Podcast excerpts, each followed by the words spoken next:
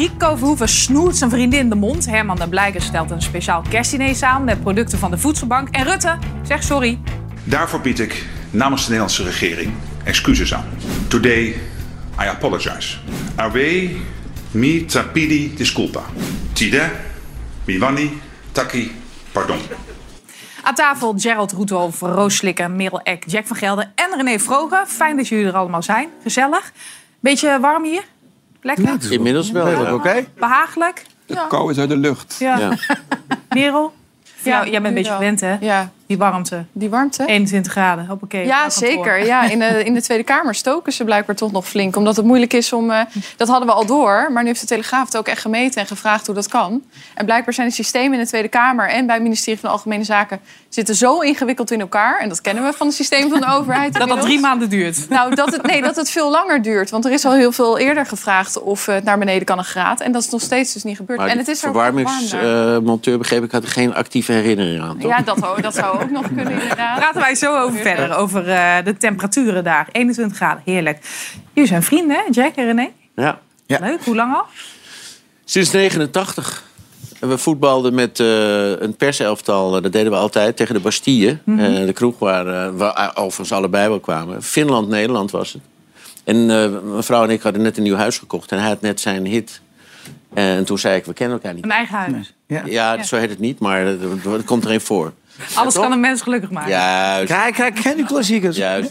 En toen, en toen zei ik voor de gein, we, we, we, we geven binnenkort zoals het zo mooi uit een housewarming party. En Ja. Zou je, en, eh, ik denk, nou, doet hij toch niet. En twee dagen later zei hij, ja, kom. En hij is vanuit de tuin van de buurvrouw is hij gekomen. Sinds die tijd kom ik niet meer van hem af.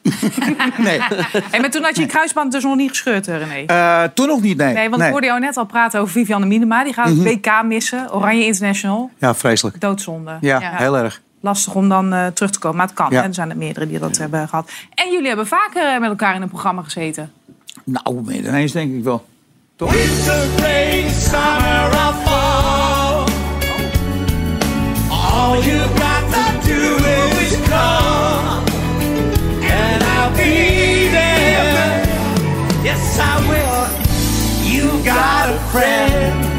Ain't it good to know that you, you got a friend. Maar het leukste, het leukste wat ik ooit met René heb mogen doen was in Ahoy, twee avonden. Toen hebben we een medley gezongen van eh, Harry Banning en eh Ja. Annie M. Schmid. Maar dit duurde 18 minuten, dus die konden we niet laten zien.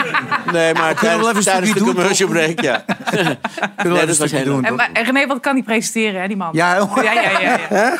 Nee hoor, Jack, dit was het eerste Gooi direct je oortje weg. Hè? Heel goed. Eh, overigens, eh, we gaan eh, natuurlijk ook serieuze dingen bespreken. Ah. Maar dit programma is wel een beetje veranderd. René, je bent hier vaker geweest. Ja. Bij Johnny, bij Leonie. Ja. Eh, maar er wordt nu wel overal je mening over gevraagd. Hè? Ga je er stevig in vandaag of denk je, ik hou me een Nou, beetje ik ben er helemaal klaar voor. Ja? Dus jij denkt niet bij jezelf van, oh jee, wat ik ook zeg, dan krijg ik weer kritiek en dat soort dingen. Ik heb er nooit zoveel last van. Wat heerlijk. Ja, Hij zei net in de kleedkamer of in de, bij de make-up, zei de, het programma zal nooit meer hetzelfde zijn. Dus Nee, ja, maar goed, je moet alles ondergaan. Dus eh, dit ook. Leidzaam, heel Ben je goed. bij de make-up? Dat zit behoorlijk wat op, hoor, Jack. Zo, 1-1. Goed, erkenning, excuses en herstel. De drie kernwoorden waar Rutte vandaag over sprak. De excuses namens Rutte voor het Nederlands slavernijverleden... is natuurlijk een historisch moment... waar van tevoren ontzettend veel over te doen was. Vandaag bied ik namens de Nederlandse regering excuses aan voor het handelen van de Nederlandse staat in het verleden. Postuum aan alle tot slaafgemaakten die wereldwijd onder dat handelen hebben geleden. Aan hun dochters en zonen en aan al hun nazaten tot in het hier en nu. Ja, dit zei hij vandaag voor de camera van de NOS. Gerald, fijn dat je er bent, nogmaals. Dank je. Eh, accepteer jij de excuses? Je hoort het, ik ben even stil. Normaal ben ik niet zo lang stil, ben ik van de snelle antwoorden. Ehm, ik denk dat ehm, we, en ik praat dan voor mezelf, maar ook voor eh, personen die net als ik nazaten zijn van slaven. In ieder geval blij, woord blij is niet het juiste woord hoor. Maar het goed is dat eindelijk vanuit de kant van de overheid gezegd is dat er onrecht heeft gespeeld. Dat het systematisch onrecht was. En dat dus de overheid daarbij een enorm grote rol gehad heeft. Want met excuses en erkenning, ja, dan pas kan je gaan denken aan herstel. Startpunt wil je daarmee Het is een startpunt, klopt. Als begin is het perfect. Ja. Eh, je, je zegt net zelf nazaat van tot slaaf gemaakt. Maar Klopt. leg eens uit, hoe, zit, hoe zat dat bij de familie bij jou? Ehm, goed, mijn opa is geboren in 1903. Ik heb hem eh, goed gekend, want hij heeft eh, lang geleefd. Sterk geslacht zou ik willen zeggen. Ja? En ik heb van hem verhalen gehoord die hij dus letterlijk overgeleverd heeft gekregen. Zijn vader was een tot slaaf gemaakte. En ehm, wat ik bij hem zag is... Kijk, wat me met name bijgebleven is, is een hele grote vorm van indoctrinatie. Mijn opa was zodanig geïndoctrineerd toen eigenlijk in de koloniale tijd door de machthebbers. Was na de slavernij dat geboren is en opgegroeid is. Maar zo geïndoctrineerd. Om maar een voorbeeld te geven, ik kwam op vakantie in Nederland. Mijn vader was toen advocaat. En ik kon niet geloven dat, je, dat mijn vader dus blanken bijstond die aangehouden werden voor strafbare feiten. Maar dat kan toch niet dat blanke mensen strafbare feiten plegen? Dus zodanig was hij gehersenspoeld. En wat je dus ziet is dat ehm, het verleden, eeuwen van slavernij, wetgeving die gemaakt is waardoor eigenlijk slaven dat als slaafgemaakten minder waren dan de slavenmeesters, waartoe geleid hebben dat je mensen hebt die tot op dit moment zich minder voelen. Dus mensen van kleur die zich minder voelen.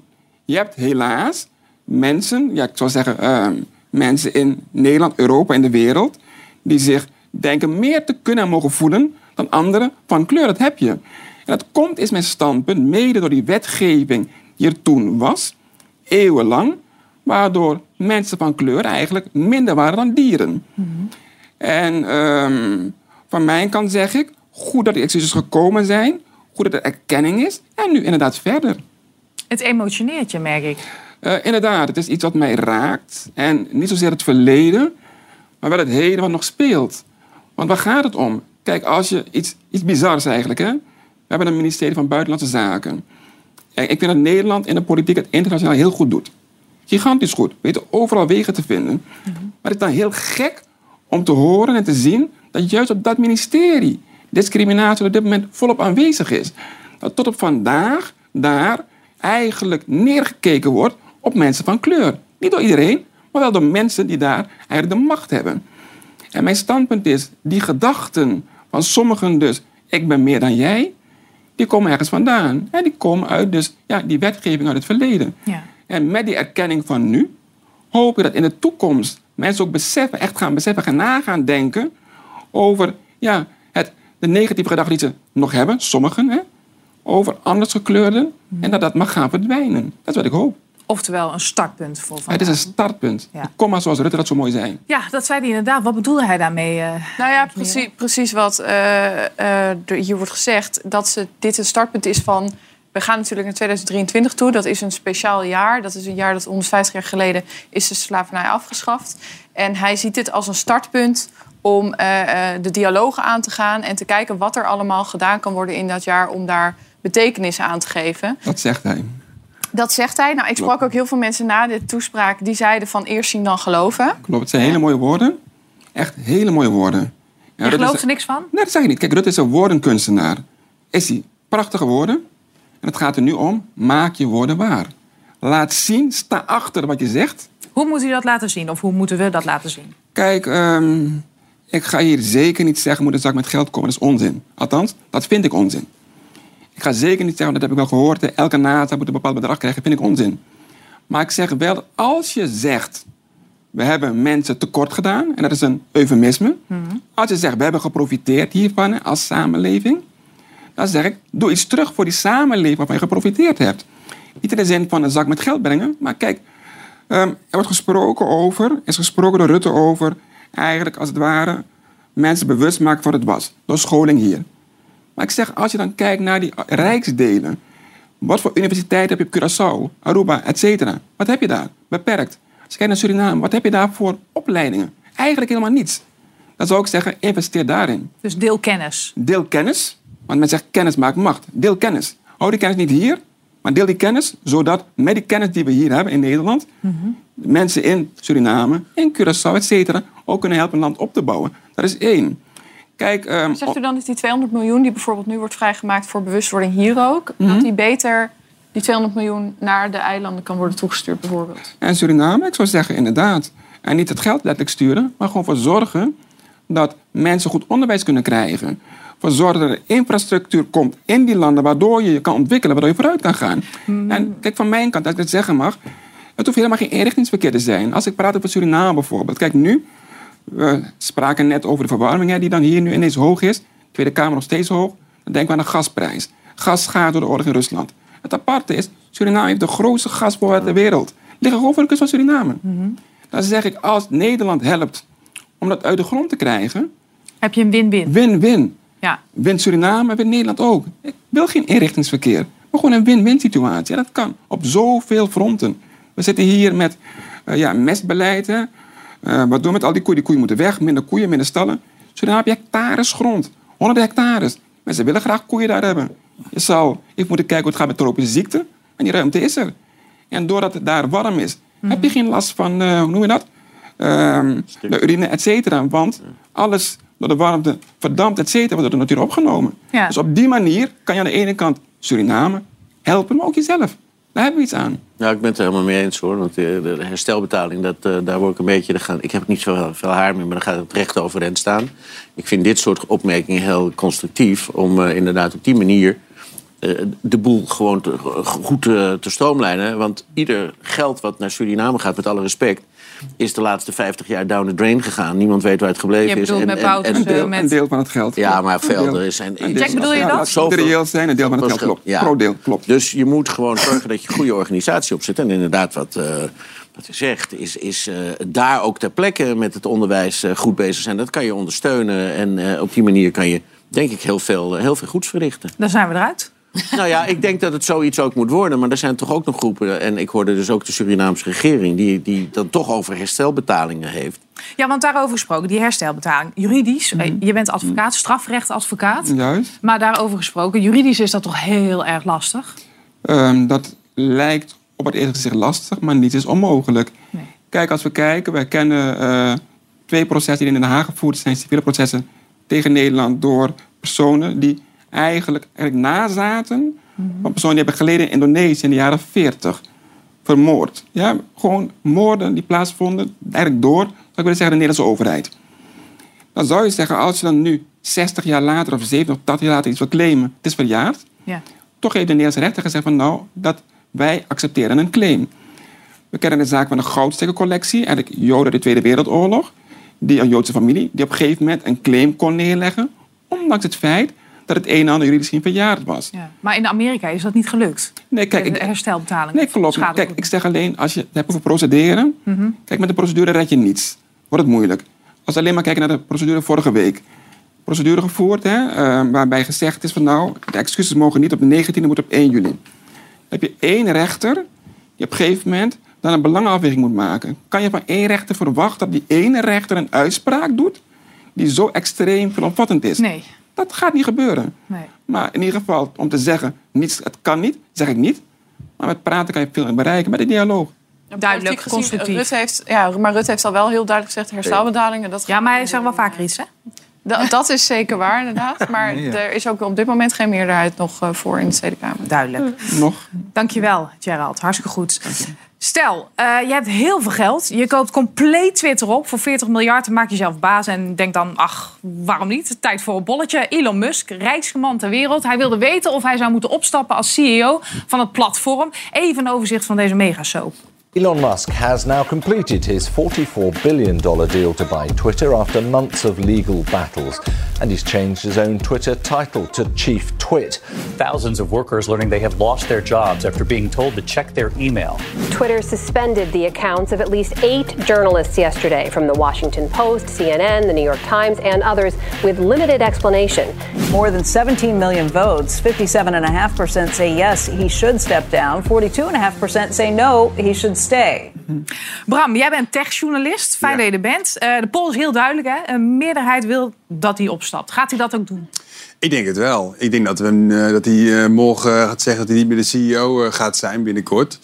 Maar ik denk dat hij er zelf wel heel tevreden over is. Hij is natuurlijk niet een man die, eh, die het heft eh, uit handen, vrijwillig uit handen geeft. Het is zijn bedrijf, hij is de eigenaar. Hij heeft er, eh, wat was het ook weer, 42 miljard of iets dergelijks eh, voor eh, betaald. Ongelooflijk veel geld. Dus ja, hij blijft gewoon de baas. Eh, ik denk dat hij zelf gewoon niet zoveel zin had in... eh, ik denk dat hij graag weer door wil naar het volgende project. En nu een marionet van hem, dus een, een, een- ja, iemand die hij vertrouwt, op die plek gaat neerzetten.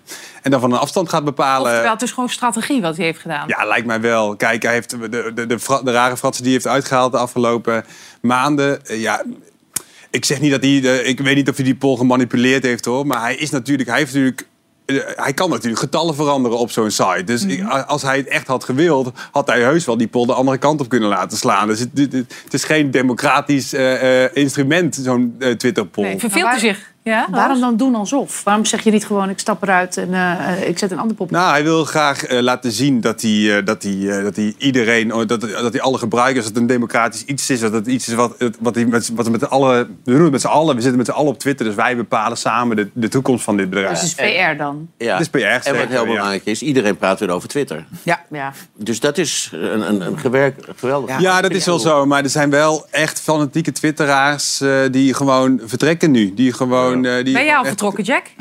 Nee, Wordt wel tijd. ja. Sorry, nou zal ik echt stoppen. nee. Maar je moet niet beginnen. Nee, dat is waar. Dus je mag zo vaak doorgaan als je wil, maar ik zou het niet doen. Ik, ik stop er niet mee. Maar goed, kun je eens omschrijven hoe de afgelopen twee maanden waren van Twitter? Op... Ja, het was echt een. eh, het, het, het is echt een enorme bende geweest. Het is echt eh, eh, met heel veel proefballonnen. De- Neem nou. gisteren nog zei Musk: je mag niks meer, eh, geen link meer tweeten naar Instagram of naar Facebook. Is vandaag alweer teruggetrokken. Eh dan hadden we de, de blauwe vinkjes-affaire. Ik weet niet of je die hebt meegekregen. Ik heb Ja. zelf nog hier een heel klein buttentje van een verified eh, Twitter-buttentje. Nou een blauw, een blauw vinkje kreeg je als je geverified was. Als, die- als iemand anders had bepaald, eh, ja, jij bent deze persoon. En je bent belangrijk genoeg om een blauw vinkje achter je naam te krijgen. Ja, dat is wel belangrijk, jongens. Ja, dat zeker. Ja, als, je, als je hem niet had, dan hoorde het niet bij. Maar te- Musk wil dat, eh, dat mensen gingen betalen voor een blauw vinkje. Maar toen gingen mensen betalen voor een blauw vinkje. En ondertussen doen alsof ze iemand anders waren. Dus het ging gewoon... eh, ja, het was echt een enorme zooi. Hij heeft eh, twee derde van het personeel ontslagen. Eh, hij, het, is, het is echt een enorme rotzooi bij Twitter. Ja, en, maar het is ehm, natuurlijk geen domme man als je het zo bekijkt. Of is het gewoon een speeltje? Nee, nou, nee, nou, durf jij nou eens te zeggen dat wel? Nee, ja, nee, goed. Ja, dat, de, zijn miljoenen, zijn miljarden zeggen iets anders natuurlijk. Maar ja, het is wel... ik denk wel dat het een beetje naar zijn bol gestegen is. En dat hij een, eh, een gevoel heeft dat hij alles Nee, wel René? kan redden. Nee, René ik denkt weet, anders. Ik weet, ik weet zeker dat hier een reden achter zit. Ja, Ik weet, dit, dit is gewoon een spel, wat je over drie jaar komt het uit. ik ben Dit benieuwd. heeft gewoon ermee te maken. Dit is gewoon alleen maar. Dit zijn eh, wat, wat hij denk ik noemt de aanloopkosten. Ja. Wel leuk trouwens dat je via een poll kan eh, bepalen of je baas eruit gaat. Ja, Ja. ja. Ja. Ja, want bedoel, eh, daarover gesproken, we hebben natuurlijk ook een stelling. En die luidt, als ik mijn baas weg zou kunnen stemmen, dan zou ik het doen. Even voorgelegd aan de mensen in Nederland. En die zeggen dan 33% zou zijn of haar baas wegstemmen. 52% zou dat niet doen. Misschien wel als ze anoniem zou zijn. Wat zou jij doen, Merel? Eh, bij moet, ik baas. dan, moet ik dan nu over John de Mol zeggen? Ja, dat denk ik wel. niet? Zou ik gewoon verstand? Nee, Nee, die blijft zitten, niet. hè? Nee. Ja, nee. Bonus, hoppakee. Ja, binnen. Zo is het wel. Ja, dat mijn personeel bij die 52% is. Ja, dat denk jij? Dat denk ik wel. Het lijkt me afschuwelijk als je bij die 33% hoort. Is dat je bij iemand werkt waar je het niet naar je zin hebt. Nee. Ja. Dat lijkt me Dat afschuwelijk. lijkt me veel, 33% Is echt heel veel. Een derde. Ja, ik heb eigenlijk één baas gehad en dat was mijn vader. Dus ja, dat was een beetje lastig om die weg te sturen natuurlijk. Hey, maar nu we toch met Polish bezig zijn, ik heb er ook nog eentje zelf gemaakt. Kijk, Oké. moet Helene blijven bij alle wacht. Oh, oké. Je mag je mening geven. Ach, we geven haar gewoon nog even de zoveelste kans in het nieuwe jaar. Of nee, nee, nee, die meid die kan echt beter iets anders Ja, gaan ja. doen. Anoniem? Stem massaal, dan gaan we eens even kijken. En ik hou me eraan, hè? Maar wie is anoniem, wat je wil. ja. Later deze uitzending. Ik Bel hoop, voor jou, ik hoop voor jou dat ik weg ben. Dan kan jij lekker Nee, eh, hoor. aanschuiven. Heerlijk. Ik vind het Wat een finale, hè, gisteren. Eh, eh, ik heb geschaatst. ja. Oh, de, hou op, schij uit. Nee, fantastisch. Wat een finale. Fantastisch. Ja, Ja, de mooiste die je ooit hebt meegemaakt? Eh, voor zover ik me herinner wel, ja. Het was, het was natuurlijk een eh, wedstrijd waar ik van dacht eh, na 2-0 en met nog een minuutje of tien, nou, jammer. En ik, ik zat nog steeds en met mij heel veel Nederlanders de nederlaag tegen, of tegen, van Nederland te verwerken. Dus eh, ik had toch wel licht de pest in. En daar waar ik het niet had, zei mijn vrouw... Oh, daar heb je die kleine lul weer. dus Ja. dat werkte wel erg mee. Eh, maar goed, eh, het, het werd natuurlijk een geweldige, geweldige apotheose. Ook met die met die 2-2 en dan die verlenging 3-2 achter 3-3. Oh. Ja, nee, dat was het, niet- het, het was fantastisch. Het was Het echt... was niet normaal. Het was echt niet... Alles wat een, wat een WK-finale zou moeten hebben, zat erin. Waar zat jij te kijken, René? Drama. Ik was thuis. Ik was met mijn vrouw naar thuis. En eh, ik ben getrouwd met de meest fanatieke voetbalkenster. En- en Ze kent ook, hè. ze weet alles van voetballen. Ja. En, eh, maar die met z'n tweeën. En ook echt gewoon opspringen van de keukentafel af. En, en, dit. en, ja, ik, ik heb me vreselijk vermaakt gisteravond. Waren jullie voor Frankrijk of Argentinië? Eh, nou, het is een beetje moeilijk. Want eh, ik kom heel vaak in Frankrijk, dus ik zeg ik zal hem Frankrijk. Nee, ik, ik was gisteren wel voor Frankrijk. Ja. En jij, Roos? Nou ja, eh, ehm, mijn man is Frans-Canadees en die weet niets van voetbal. Echt niets. Maar die Oh, ging opeens erg. gisteren heel fanatiek voor Frankrijk zijn. En dat vond ik zo irritant. dat ik dus toch voor Argentinië werd. Dus het opportunisme Oh, vierde hoogtij bij ons. Ja, nou ja, in ieder geval, wij raken niet over uitgepraat. We gaan er nog even over doorpraten. Maar eerst even die sfeer in Argentinië, wat er allemaal loskomt.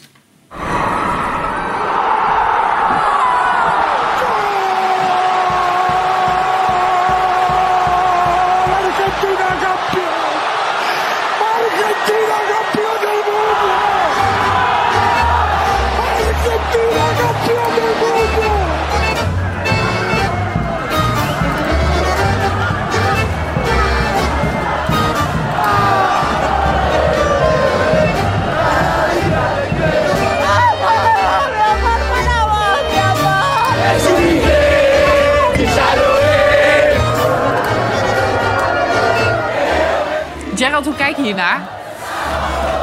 Ik had gehoopt dat we in Nederland eh, zo hadden mogen juichen gisteren als Ja. eerste. Ja. En ik moet zeggen, normaal zou ik voor Argentinië zijn. En ik had Messi heel hoog zitten. Ik bedoel, ik had het hem gegund. Tot eigenlijk die wedstrijd Nederland-Argentinië. Maar de manier waarop hij tegen Van Gaal gedaan heeft... Ik bedoel, ik ben zo'n fan van Van Gaal. De manier waarop. En tegen Wout eh, Weghorst. Ja. Zei, nee, jullie mogen geen kampioen worden, maar helaas. Maar dit is dan toch... Ik bedoel, als je Messi gevolgd hebt, het gebeurt niet vaak. Mhm. Dus- En hij heeft een enorme druk natuurlijk op zich van de hele natie. Daar kunnen we hem toch wel vergeven dan? Ehm, ik ben in zijn algemene vergevingsgezind. Maar ik had het Frankrijk gegund. Mbappé. Mbappé. Helemaal. Oh. Ja, Helemaal. maar, nog maar, een kans, maar we hè? hebben zo lang, eh, zeg maar twee eh, decennia, zo genoten van deze, deze, dit fenomeen. Die met Ronaldo Nou, maar ik denk toch dat, die laatste wedstrijd bij Jawel. Messi... dat het toch was... Het, het speelde voor hem vreselijk mee... dat hij toch, eh, toch kon meten aan Maradona. Laten we het daar maar over hebben. hè. Ik bedoel, Nou, dat is een het is hele toch goeie. het feit dat je... Wie is dat er je beter? van- Wie is er nou echt beter? Eh, Messi, Maradona? Maradona. Maradona. Maar onderbouw het. Ja, Kijk, voor mij, voetbal, sport is sport. Maradona is een sportman en sportief. Ik heb te veel onsportiviteit bij Messi gezien. Nee, maar Maradona was gestoord. Eh, die, Ja, maar die je was kan- Ja, op een gegeven niet moment doorgesnoven, meer. gedaan, pistool en weet ik veel wat. klopt, klopt, klopt. Nee, ik vind hem wel. Maar het- alleen door die wedstrijd van nu Mhm. eh, tegen Nederland, waar, waar we op afgeknapt zijn. Maar voor de rest is het, vind ik een, een voorbeeld Op van topsport. Op, op zich heb je gelijk, maar je hebt maar één keer Ik ga met jou niet procederen, is Maar hè? Ik ga het verliezen ook. Gerald- maar één keer gedaan en dan ben je afgeschreven. Maar hè? Gerald, Dus- wat je, wat, Zeker. wat, wat je niet moet vergeten, vind ik altijd, is dat, kijk, nu tegenwoordig hebben we, praten over een generatiekloof van 30 jaar, zo'n beetje, hè, met Maradona toen de tijd. Kijk, van Messi, nu zie je elke handeling die die jongen doet. Al gaat hij naar de, naar de supermarkt, weet ik veel wat. En van Maradona zag je niet zo gek veel. Wat, wat kwam er nou uit? Hij stond af en toe in de, in de Telegraaf, weet ik wat. En zondagavond zag je een stukje bij Studio Sport. Maar deze, de voetballers van nu, die worden natuurlijk de hele dag gevolgd en, en dergelijke.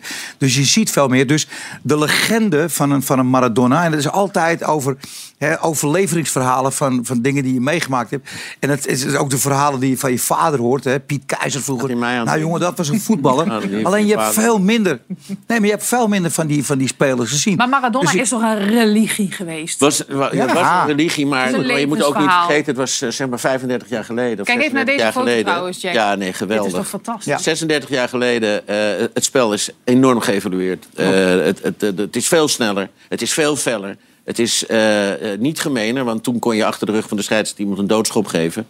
En ze hadden geen VAR. Nee, nee. Nou, Dus een maar foutje met je hand kon je dat niet heeft, maken. Dat heeft Argentinië in dit toernooi ook niet gehad, hoor. Nee, dat, dat is ook weer waar. Echt, bij niks. Maar los daarvan, jongens, ik, ik, zat even, ik had een rijtje gemaakt. 172 interlands, natuurlijk vijf WK's. Eindelijk op de troon of naast de troon van Maradona. Ehm, dan kun je toch bijna niet anders concluderen. Een veel langere carrière Ja. natuurlijk. Ja, Dat hij... Ja, De ja, is- ja vind, ik, vind ik ook. absoluut. Ja? Nee Ja. eens? Behalve dan Gerald? Ja, schorvoeten, schorvoeten, schorvoeten moet ik toegeven. Dat heeft Heel eh, goed. heel Ik wou veel aan het gedaan. eind van de wedstrijd, op de eerste foto zag je, daar was nog heel veel om te doen. Dat je hem op dat moment zo'n zwarte eh, Ja. cape omdoet. Ja. Uit, dat was een Nou, er, Qatar zit, er zitten een heleboel gekke dingen in het toernooi. Er waren een aantal beslissingen die echt in het voordeel waren van Argentinië. eh, Ook in het voordeel Maar van Messi. ja, maar waren heel veel mensen boos Dit is natuurlijk belachelijk. Eh, kijk, die Infantino die staat... Ik weet niet of jullie ooit Cote Bier hebben gezien. Juinen, de burgemeester Hekking. Dit is precies hetzelfde. Die burgemeester, die burgemeester die er altijd voor ging staan. Die, die mafkees van Infantino. Die nu ook de hele FIFA gaat verplaatsen naar Qatar. Dan staat er nog een achter met een doekje op zijn hoofd. Die moet ook zo nodig in beeld. Eh, en ze, ze doen hem dus dat om. Omdat het iets is speciaal voor bruiloften, Respect. feesten en partijen. Die kan hem ook boeken. Ja. Eh, en hij laat het zich, eh, dat, dat zal denk ik besproken zijn. Maar het meest maffe vind ik, na afloop is er een rijtour. Wat ze heel mooi hebben gedaan, want ze hebben het geweldig georganiseerd hoor. Er is een rijtour, ze rijden in een bus weg. En die bus, feestdag. die bus is lichtblauw met wit. Ja. Zouden, ze nou ook nog, zouden ze nou ook nog een bus hebben gehad in Ga het ik wel donkerblauw? niks aan het toeval overlaten. Rood met blauw. Ja, maar, nee, maar goed, ik, dit vind ik zo maf. En Ja, de kleuren van Argentinië hadden ze hem klaarstaan. Weet je? Laten we ervan uitgaan dat ze twee bussen hadden. Maar wel even, even terug naar die, eh die sluier of badjas, of hoe je het ook wil noemen. Eh, het verpest natuurlijk wel een iconische foto. Wat een iconische foto had moeten zijn, als je het zo bekijkt. Nou ja, kijk, dit, dit toernooi blijft altijd het toernooi eh, van Qatar, WK 2022. En de beste speler van de wereld werd daar met de, met de beker in zijn handen aangetroffen. Dus dat gaat er nooit meer vanaf. Dus het is allemaal gegaan zoals ze eigenlijk wilden dat het ging. Hij heeft het wel zelf moeten doen, laat het duidelijk zijn. Over Messi zijn er natuurlijk een aantal films gemaakt. En er zal ongetwijfeld weer een film aankomen na deze wereldtitel. Maar een andere film die vandaag precies 25 jaar geleden wereldwijd te zien was in de bioscopen. Titanic. Nooit won een film Ja. meer Oscars. 11 om precies te zijn. Open your eyes.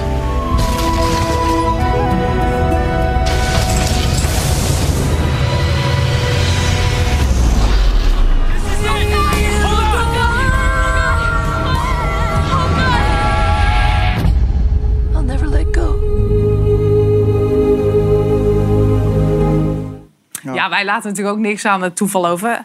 Jack en Roos aan tafel. Wat goed. Kijk even mee, daar zijn ze hoor. Over- Jack en Roos. Ik heb hier geen seconde bij stilgestaan. Nee, nou, maar wij wel. En daar hebben we meteen natuurlijk even... Kijk eens hier. Wat een leuk setje. Ja, leuk. Ja. Zouden jullie Ja. wel samen op die deur gepast eh, hebben of niet? Nou, dat, ja, ja, ja. Ik vind het wel mooi. foto. Ik, Ja, ik vind nou, dat je zo ik- zorgelijk kijkt, Jack. Ik, nou, ik weet wel dat ik... ik heb die film toen gezien en ik vond hem indrukwekkend. En, en dat nummer natuurlijk, dat zangnummer vond ik, dat vergeet je nooit. Maar het heeft bij mij een jaar geduurd voordat ik nog in een rondvaartboot durfde. Dat was zo erg. Hoe heb jij eigenlijk eh, die film beleefd? Ik was Echt een beetje ik, onze eh, generatie. Ja, nee, ik, ja, ik, ja, nee, ik kreeg hem eh, met mijn moeder. Die zei op een gegeven moment, we moeten een hele mooie film gaan kijken. Ik was twaalf of zo, denk ik. En we hebben echt een soort meidenavondje van gemaakt. Toen eh, speciaal de Titanic gekeken. Fantastisch. Ja, jij Roos? Ja, zeker. Overigens, we hadden het over die soundtrack. Ja, ik, ik heb blijkbaar een gen dat Celine Dion niet... Daar gaat, ik sla uit dan. Dus zodra dat, zij begon te zingen, wa- was ik vertrokken. Ja. Vind ik erg moeilijk. Maar eh, ik vind het toch knap ook van een film... waarvan je dus al weet hoe het afloopt. Het is niet dat je denkt, zou die blijven drijven of niet? Maar je gaat wel er volledig in mee. Ja. En, ik, en mijn jongste zoon, die pas elf is... die heeft hem inmiddels geloof ik ook al vijf keer gezien. Ja. Nou, dat is behoorlijk. Wat- Ja. Wat veel mensen zich nog steeds afvragen, ook na 25 jaar... had Jack niet gewoon kunnen overleven? Hoezo past hij niet op die deur? Dat is nog steeds de vraag. dat, is, dat, dat maakt natuurlijk het drama Precies. compleet. Weet je, want anders op een gegeven moment... Stel nou dat Jack had, had wel op, op, op, op die deur over gelegen. mij lullen of niet? Ja, Jack. Had, had Jack had wel op die deur gelegen. Hè? Die had het dus wel gered. En dan krijg je dan Titanic 2. Ziek, Ja, ik, ik, ik heb zoiets van... eh, My heart will go on. En Ja. dan denk je, oh nee, dan krijgen we daar ook een Celine Dion weer. Die Nee, dat is niet goed. maar had de deur wat kleiner gemaakt dan, als, als decormaker? had hem wat kleiner gemaakt dat er echt geen twijfel over mogen Overigens mag ik één heel leuk verhaal vertellen. Ik heb dit liedje heb ik jaren gezongen met een, met een prachtig Belgische, Belgische zangeres. Mhm. En ik deed dat op een gegeven moment in het Sportpaleis in, in, in eh, Antwerpen. En wij hadden de Titanic voorkant hadden wij nagebouwd. En die zouden dan door, door de blokken heen zo de, de zaal in komen. Maar we hadden repetitie en wij zijn morgens om 11 uur begonnen. En die zangeres die ging naar boven toe. En die hadden we met skischoenen vastgezet. Want die moest natuurlijk over die reling heen hangen. Maar op een gegeven moment om 12 uur, half 1 zijn wij gaan lunchen. Maar die mevrouw die is naar boven gebracht. En die hebben ze vastgezet. En om half twee kwamen wij van de lunch terug. En ik deed mijn oortjes in. Hoorde ik heel zachtjes. Mag ik er nu af? Ja. Ja, het is heel... Nadia. Oh, sorry Nadia. Dat- Sorry Nadia, Maar het excuses. was, het was zo mooi. Maar die, maar die muziek en, en die film, ja, iconisch natuurlijk. Ja, nou, er zijn heel veel wetenschappelijke onderzoeken geweest. Het blijkt nou uiteindelijk dat hij inderdaad wel op die deur heeft verpast. Denk je ook, waar gaat het over in principe? Waar ben ik in terechtgekomen?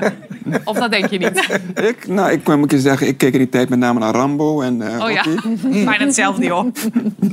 Zometeen, dan zijn we terug. René Vroger is namelijk ambassadeur van de Voedselbank. En dit jaar is er meer werk aan de winkel dan andere jaren. En waarom zet Den Haag de thermometer dus niet zelf naar beneden... terwijl ze dat wel van ons vragen? Dat is een goede vraag. Tot zo.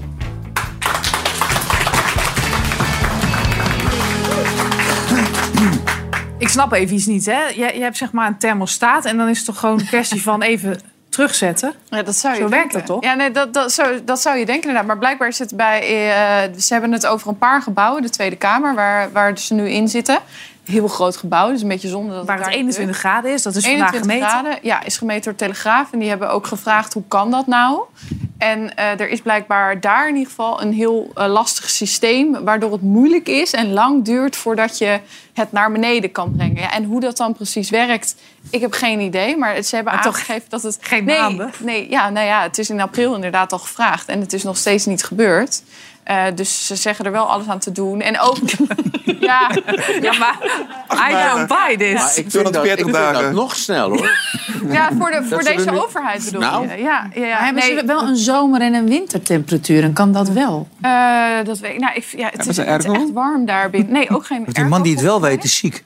Ja. Ja. Nee, maar het gekke is, is ik las, het gaat om 125 gebouwen. Het- ja, en van het- 104 werkt het en van die 21 niet. En dan zit daar net die gebouwen. bij. Nou, nee, ja, dat nou klopt. Het is inderdaad, dat moet inderdaad wel gezegd worden. Bij het grootste, echt overgrote deel van het gebouw is het wel gelukt. Ja. En dan heb je het van die enorme grote torens van eh, het ministerie van Onderwijs bijvoorbeeld. Enorm grote kantoorpanden zijn dat.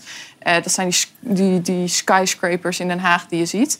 Daar is het dus wel gelukt. Maar inderdaad in de Tweede Kamer en bij Algemene Zaken. En bij Algemene Zaken heeft het weer een andere eh, oorzaak. Want het is een heel oud gebouw. Ja. Monumentaal gebouw. Dus da- dat is blijkbaar ook moeilijker. Maar dat is toch gek. Terwijl eh, Hugo en Rob zeiden een paar maanden geleden... ja, dat, dat moet gebeuren. Dat begint bij zelf ook vanuit de Rijksoverheid het goede voorbeeld geven. We hebben zo'n eh, ruim 200 kantoorgebouwen waar de kachel nu vaak op zo'n 21 graden staat. En ook daar gaat de kachel 2 graden naar beneden. Ja, aan de andere kant is het misschien ook een beetje flauw. Alsof eh, Rob Jette en Hugo de jongen even zelf die thermostaat omlaag. Nee, je ziet het waar ze staan. Dat is geen normale thermostaatknop. En, eh, maar het is gewoon wrang dat je van iedereen vraagt... om in ieder geval je kachel minstens twee graden lager te zetten. Dan zijn er ook nog heel veel gezinnen op dit moment... die de kachel überhaupt niet meer aanzetten. Ook al is het min 6 Ja, graden precies. buiten. Mhm. Ja. En dan kom jij ermee voor de bakker... dat in de Tweede Kamer en bij AZ het te ingewikkeld is... om je thermostaat twee graden Maar het lager is wel, het is Ja. wel vervelend want voor Hugo en Rob. Want in principe lukt verder alles bij ze. Dus dan, dan kan, dan, dan kan, dan kan zo'n verwarmingssnop... Dat kunnen, ja, dat kan er niet. Ja. En, en eh, Jette had trouwens... het Heeft, dit is nog een oude foto. Had op een gegeven moment ook een baard. Heeft en hij Hugo- nog steeds? Ja, en Hugo ook. Dus ik denk dat het Elektra het ook niet werkt bij ze. Dus. Vervelend. En, maar wel, wel, Jette is wel het voordeel, dat heb ik wel gehoord. Want het weekend, eh, hij heeft nu een baard. En hij mag nu naar films boven de 18. Wat leuk. Wat ben jij toch erg. Omzicht, daar wil ik even naartoe. Want eh, dat vond ik wel bijzonder. Kijk, hij doet niet mee, oké. maar als je mee zou doen, zou hij op 30 zetels komen. Is het dan onzinnig om dit te bespreken, omdat hij toch niet meedoet? Nou Denk ja, je, ja, nou, nee, iets. dat is kijk, peilingen sowieso zijn al best wel eh, lastig om te bespreken, want het zijn momentopnames en je weet nooit wat er daadwerkelijk echt gaat gebeuren, wat de zwevende kiezer doet. En om dan te peilen met een partij die officieel nog niet bestaat en nog niet meedoet, dat is ook heel lastig, want je- we weten nog steeds niet of hij een eigen partij gaat beginnen. We weten niet of hij dan de lijsttrekker van die partij wordt. Zou hij dat moeten en kunnen? Nou, kijk, hij zegt, geeft nu al aan, laatst eh, van de week in de Tweede Kamer, ik trek dit niet langer. Nee, daarom vraag ik het. En dat, en dat komt ook omdat hij een afgesplitste partij is nu. Dus hij is eh, groep omzicht. Dat betekent dat je veel, meer on- veel minder ondersteuning hebt, veel minder geld. Dus hij moet echt alles bijna zelf doen. Eh, hij zegt ook, ik werk 14 uur per dag. En hij heeft altijd, eh, hij is overal, komt hij hartstikke voorbereid binnen. Dus Komt uit een zware periode, mentaal en fysiek Ja, gezien. precies. Dus de vraag is of hij wel mee gaat doen. En als hij mee gaat doen, hoe die lijst en die partij er dan Maar dan precies moet hij dan nog helemaal gaan vormen. Overigens, Of met week- Caroline van der Plas. Nou ja, dat was verleden week, hè, dat wij hier zaten. En, en, en dat er opeens het gerucht kwam dat Caroline van der Plas eh, zei van... kom bij ons. Nee, ik denk wel dat ze dat nou, zij werken toch wel samen aan dossiers? Ze- Zeker, en dat komt ook omdat zij natuurlijk ook een eenmansbitter is. En die gaan vaak eh, praten die voor elkaar. Of wat ze ook wel eens doen, is bijvoorbeeld omdat Pieter Omtzigt zo weinig spreektijd heeft, maar dan eigenlijk nog hele interessante punten wil inbrengen, dan loopt een Van Haga of eh, Caroline van der Plas loopt naar de microfoon. Hebben ze van tevoren afgesproken. Dan stellen ze nog een extra vraag, zodat hij, daar mag hij gewoon eh, antwoord op geven, Ja. zodat hij zijn verhaal nog even af. Je zit te lachen, doen ze slim, hè? Weet weetjes, ja, hou ik Ja. Maar ja, dat, dat, dat, dat kan bijna niet anders met zoveel partijen in de Kamer en zoveel kleine fracties. Want je hebt zo weinig spreektijd. Dat, ja. Ja. Wat doet dat eigenlijk eh, bij het kabinet, dit? Trekken zij zich ja, daar iets van aan, überhaupt? Maar dat hij, dat hij dit heeft gezegd? Nee, het feit dat hij, eh, zonder dat hij meedoet, eh, wel op 30 zetels staat. Nee, absoluut. Ik bedoel, de, de- die voelen, voelen dat echt wel in, eh, de, hem in hun nek hijgen. Dat hij zo populair is. En dat dat mogelijk gevolgen kan hebben voor de, voor de eigen kiezer en de achterban. Absoluut. Nou, het is gewoon een motie van wantrouwen. Hetzelfde als moet je wel of niet bij je, je baas weg... nou, maar ik denk niet dat het per se een motie Nee, van nee, maar ik wantrouwen is bedoel hem, het gevoel dat zo iemand die helemaal nog geen partij heeft... dan op 30 zetels zou kunnen komen... geeft, genoeg, geeft gewoon aan dat Nederland is klaar met dit kabinet. Is Nou, klaar met de politiek. Ja, maar en ziet ook wel in omzicht een politicus die altijd goed voorbereid Doet naar de debatten komt, doet zijn werk, heeft Ja. natuurlijk een grote rol gespeeld in de toeslagenaffaire. Eh, dus, eh, en, en natuurlijk inderdaad ook, en dat speelt misschien ook een rol, dat hij weggewuifd wilde worden door dit kabinet. Hè, Pieter Omtzigt functie elders. Dat heeft natuurlijk ook... eh, Maar hij roept dingen die de mensen begrijpen. En hij, hij, hij wil dingen weten die we willen weten. Dat is zo belangrijk. Ik dacht dat En een knoopje los zat bij jou. Ik, ik, maar ik zit zo bij jou naar binnen te kijken. Waar? Van deze kant. Hier? Ja. Maar ik denk ook op een gegeven moment, als, die, dan- als, als, de- als deze meneer ooit een keer voet... eh, Ik zag echt- trouwens... Ik, Wat gaat het nou weer over Weet ik veel. ik gek- het niet te zeggen. Daar word je toch gek van, jongens. Ik zit bij me naar binnen Ik te moet kijken. eerlijk zeggen, dat, het gaat niet goed. hier. Als het omgekeerd is, als jij tegen een vrouw zegt, Ja. ik ben naar binnen. Ja, maar je had me heb toe. je In dit geval had je me gesteund, want zij is begonnen. Nee, graag. Excuses. Excuses. Nee, maar ik heb, ik heb wel zoiets als, eh, eh, als ik om, eh, om zich zo zie- bezig ben, zie. En wat je nu allemaal vertelt, dat je alles in zijn eentje moet doen. De, tegen die tijd dat er wel een, een goede partij komt, dat iedereen bij elkaar komt, is die man volgens mij compleet gesloopt. Ja, en Ja. het is Want ook niet zo inderdaad, die makkelijk man om zomaar een die partij man op te en die komt- Dat doe je ook niet op een en- woensdagmiddag. Hè? En die vervalt er weer in een burn-out. Maar ja, dat Ja, zag je nou ja, de tijd van. Pim Fortuyn. Ik Die was- zeggen, was bezig er met de veel rit naar het creëren van een partij met goed eh, Oh, kader. niet normaal. ja, waar zou je op stemmen, René, als je nu zou moeten stemmen? Ik heb geen idee op dit moment. Nee, maar er zijn er heel veel, denk ik, die geen idee hebben. Zijn heel En jij, Roos? Ook geen idee. Oprecht niet. Nee. Nee. Ik wil een idee. Waar zou jij op stemmen? Mag ik, mag ik reclame maken dan? Ja, ga je gang. Nee, nog steeds D66. Ik Waarom? vind ze- eh, waarom? Omdat ze eh, niet terecht zijn. En ehm, wat genuanceerd. En ik denk dat als je het hebt over... Kijk, ik ben advocaat, doe veel strafzaken. Als ik kijk hoe het recht gecreëerd wordt in de Tweede Kamer, et cetera. Mhm. Geen onzinnige wetsvoorstellen. Niet eh, populair doen. Zeggen de straffen voor dit delict moeten weer hoger en dat delict moet weer hoger. Nee, dus voor mij gewoon D66. D66 hebben we genoteerd. Daar zal eh, Jack niet op stemmen, denk ik. Nee, nee, nee. Omdat ik, hou van iemand die de macht heeft, dat hij bestuurt. En eh, zij bestuurt het land, maar heeft eh, Rutte in haar achterzak zitten. En Rutte blijft maar naar iedereen wuiven als eh, de koningin van Lombardije en rijdt op zijn fiets weg. Ehm, nee, ik neig nu naar jaar 21. Ja, 21. De inflatie rijst de pan uit. En dus weten we dat het ja, financiële zware dagen zullen worden voor heel veel mensen in het land. Maar hoe zorg je ervoor dat je met weinig geld toch een lekker kerstdiner op tafel krijgt? Ik ben in Rotterdam bij topchef Herman den Blijker om te kijken of je met een beetje liefde een kerstdiner kunt maken met producten van de voedselbank. Chestnuts roasting on an open Herman, een kerstdiner met producten uit de voedselbank. Is het gelukt? Nou ja, dat is wel een eh, uitdaging. Want ik kan me voorstellen als je zo'n pakket krijgt dat je thuis denkt, ja, er zitten doosjes, pakjes, poedertjes, eh, van alles bij. Denk je, wat moet ik hiermee? Ik had een pakket, er zat knorrap in. Nou, zet hem in de oven. Doe hem even op 150 graden. Dan wordt hij gaar. Je prikt hem met een mesje in en gaat er makkelijk doorheen. En je doet hem aan je lip, aan je tong. Het is warm, is hij gaar. Ik dacht dat het ananas was. Dit is een dressingje. Dit is geroerd. Met knoflook. Olie. Peperzout. Het is niet duur, het is niet groot. Het is gewoon standaard. Je moet het durven. Dit is het. Ja, en opmaken is ook gewoon een, een dingetje. Ja, maar simpeler wordt het natuurlijk niet. Hè? Dan zit het voorgerecht. Maar dat vind ik wel lekker uit. Het is lekker. Kijk, wat er ook in zat. Dit keer laden die varkenslapjes, spruiten, ham, van alles. Ja, wat we ermee doen, een klein beetje boter in de pan. En dan gaan ze bakken. Nou, en dan hebben we dat vlees. Gooi ik nou op de plaat. Beetje boter, olie. Dat is boter? Ja. Kerst, dit is kerst, dit. Koken is voor jou kerst. K- Kan gezellig zijn, toch? Doe er nog een beetje van spekje op. En voilà. Gebakken spruiten. Die varkenslapjes even aangezet, klein beetje, niet te hard. Die ham uit het pakje heb ik op in de oven gezet. 80 graden, 20 minuutjes. En het wordt gewoon een soort van eh, hart. Succes met je pakket. Kan ik eh, de afwas doen?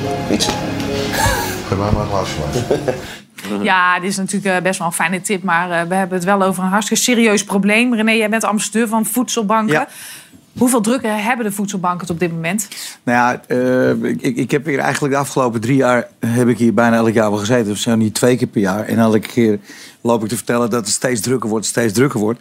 Wat ik echt ongelooflijk vind, de afgelopen jaar eh, natuurlijk eh, de corona heeft, heeft niet meegeholpen. En nu ook met de gasprijs en alles wat erin. De afgelopen paar maanden is de vo- voedselbank gestegen met 30 procent. Zo. En terwijl we eigenlijk een jaar geleden al gewoon het, ja, het piepte en het kraakte. En eh, de voedselbanken die, die, die ja, het, het, het explodeerde bijna. En, en toch weten ze het elke keer voor elkaar te krijgen. En met name al die vrijwilligers die wij toch voor elkaar te krijgen. Dat iedereen gewoon geholpen wordt. Ja. En dat, ja, ik word er bijna emotioneel van. Maar Nou, dat snap ik. Ik ben in Tilburg geweest. Ja. Vond ik ook fantastisch wat Ja. ze daar voor elkaar eh, kregen. Bij Ja. iedere 2% eh, verhoging van de inflatie eh, zijn er 40.000 huishoudens die onder de armoedegrens komen. Dat, dat is gigantisch als je weet hoeveel inflatie er nou ja, gaat komen, hoeveel procent. Maar er is natuurlijk ook best wel veel schaamte. Eh, wat Ja. niet hoeft, dat kunnen we allemaal zeggen, maar dat voelen ze wel. Nee, wat, en natuurlijk, eh, ik, ik, in 2008 eh, hebben Natasja en ik en, en de kinderen hebben ooit een, een, televisieuitzending- een televisieserie gemaakt. Even geen cent te makken. En toen kwamen we er echt achter. En toen kwamen we, we, we begonnen in Amsterdam. En eh, toen kwamen we daar binnen. En wat mij toen meteen al opviel, is dat die mensen die kwamen dan eh, elke donderdag kwamen ze daar eh, eten halen. Maar die kwamen dan binnen met, met, met grote jumbo-tassen. En, en, en gewoon in ieder geval met een naam erop, zodat die mensen, als ze op straat liepen, dat het geen tassen waren. Weet je, en die schaamte en dergelijke. En ook het feit dat, dat je het nooit bespreekt, natuurlijk met, met vrienden en kennissen. Want het, het, was not done. Maar wat tegenwoordig wel een beetje meer is, en dat. en dat heeft ook wel de corona ook weer bij, eh, meegebracht. Dat het is voor iedereen wel nu een klein beetje meer. Dat het kan ons allemaal gebeuren. Weet je, je, je, je raakt je baan kwijt. Het is, dus het is meer geaccepteerd op dit moment. Maar er hangt nog steeds wel een grote taboesfeer boven. Ja, wat, wat doen jullie eraan om die schaamte eruit te krijgen? Om, om de mensen te helpen daar, daarin? Nou ja, sowieso is het, is het gewoon voor de mensen. eh, eh, eh, als je dat zo voelt, hè, als je het zo voelt, je, je kan niet meer, je, je, weet geen uit, je weet geen uitweg meer. Ga gewoon naar je lokale eh, voedselbank. Ga er gewoon eens naar binnen. Ga gewoon eens langs. En eh, leg je problemen voor. Want er zitten allemaal mensen, allemaal vrijwilligers... die begrijpen exact waar jij het over hebt. En dat is al een ding. Want om over die drempel te stappen... dat je zegt van... Ik, hè, en, en zeker als, als vader van een gezin... dat je denkt van... ik moet voor mijn kinderen moet ik daar naar binnen toe. Maar het, het, ik, wij zeggen gewoon, doe het gewoon. Want er zijn gewoon mensen die, die je gewoon helpen. Ja. En je hebt er recht op natuurlijk. Maar je zegt lokale voedselbank. Hoe- Hoeveel zijn er? Hoeveel- Er zijn, in Nederland zijn er op dit moment zo'n 172. Ja. Wat kunnen wij doen om te helpen? Om Eh, voedselbanken te helpen? Nou ja, sowieso. eh, het, het, het klinkt een beetje droog, maar ga gewoon naar, eh, naar ehm, voedselbankennederland.nl. En zodra je daarop komt, krijg je gelijk, word je gelijk al geleid naar jouw vraag of naar iets wat jij wil weten. En ehm, het is momenteel zo ingericht eh, op, op die website dat je ook gelijk meegenomen wordt naar het feit wat jij nodig hebt. En ook hoe je kan helpen, maar ook hoe je hulp kan ontvangen. En ja, ik, eh, maar er zijn nog steeds eh, heel veel leuke dingen in Nederland. Hè, die, zoals toevallig eh, een, een vriend van mij. Die liet mij vanmiddag een fotootje zien van de Gooise school. Ik woon in, eh, ik woon in Blarikum. En de Gooise school zou je zeggen, nou, in, in het Gooi. Nou, daar zitten gewoon vijf, zes voedselbanken. Het zijn de rijkste eh, regio van, van Nederland. Maar er zitten gewoon vijf, zes voedselbanken. En wat ik zo leuk vind, is diezelfde Gooise school. Die, eh, die is van allerlei dingen aan het, aan het, eh, aan het organiseren. Dat, eh, dat hun kinderen eh, daarin helpen. Ik, ik, ik zal even het fotootje erbij pakken. eh, Wat hij wat hij mij vanmiddag stuurde. Mhm. Want ik vond dat ook wel weer te gek. Pak het goede foto. Eh, ik pak even het goede fotootje. maar hier staat dan... eh, beste ouders van de Gooischool, wij zijn de leerlingenraad... en wij willen actie voeren om de voedselbank te helpen. Het zou fijn zijn om jullie houdbare spullen mee te geven aan jullie kinderen. Deze spullen hebben ze het, het meeste nodig. Nou, en dan krijg je gelijk een heel, heel rijtje eronder... van de spullen die de voedselbank... of mensen, eh, klanten van de voedselbank... heel goed kunnen Hoe gebruiken. komen jullie aan de spullen, René? De- Nou, het, we zijn in de afgelopen jaren een klein beetje onze eigen, ja, onze eigen valkuil geworden. Want eh, in de beginjaren van de voedselbank zijn wij verspilling tegengegaan. Van alle grote, alle grote supermarkten en dergelijke. Hè. De- dus eh, jongens, eh, gooi het niet weg. Dat wil de voedselbank hebben. Maar uiteindelijk zijn die, zijn die supermarkten die zijn zo goed eh, bezig geweest... dat die bijna geen verspilling meer hebben. Ja. Waardoor de voedselbanken weer minder eten hebben. Hè? En dat, dus het is een soort van verkeerde vicieuze cirkel geworden. Maar er worden in Nederland nog hele leuke dingen eh, gedaan. Hè? Eh, op dit moment loopt er een actie. Eh, de- we kennen we allemaal nog. We weten allemaal Douwweg best vroeger de, de, de, de punten verzamelen. Ja. Nou, ik geloof dat eh, iedereen wel thuis zo'n potje hebt met al die punten. Nou, er loopt op dit moment nog een inzamelingsactie van de Lions Club. Ja. En dan kun je gewoon ehm eh, Lions, lionsclubnederland.nl. Ga daar ook even heen. Want al die, die, die bonnetjes die jij nog hebt liggen van de waardepunten... kun je gewoon inzamelen. En vorig jaar hadden we 94 miljoen punten. Ja. Die werden omgezet in, geloof ik, 70.000 pakken koffie. Ongekend. René, ga zo door. Ja, nee, wij ik- kunnen ik- helpen, ik blijf doorgaan. Laat het Ja, ons goed. weten. We zijn aan het einde gekomen van dit programma. We hadden natuurlijk nog een polletje. Hè? Het polletje is, eh, moet heel en blijven bij half acht. En wat de uitslag ook is, ik accepteer. Even kijken. Oh, 100% lekker. Lekker mensen. Nee, nee, die meid kan beter iets anders gaan doen. Oké, nou, prettig weekend dan met z'n allen. Morgen zit Leonie hier. Hartstikke goed. Met Helene van Rooyen en John van Zweden. Bedankt Geweldig. allemaal. Bye.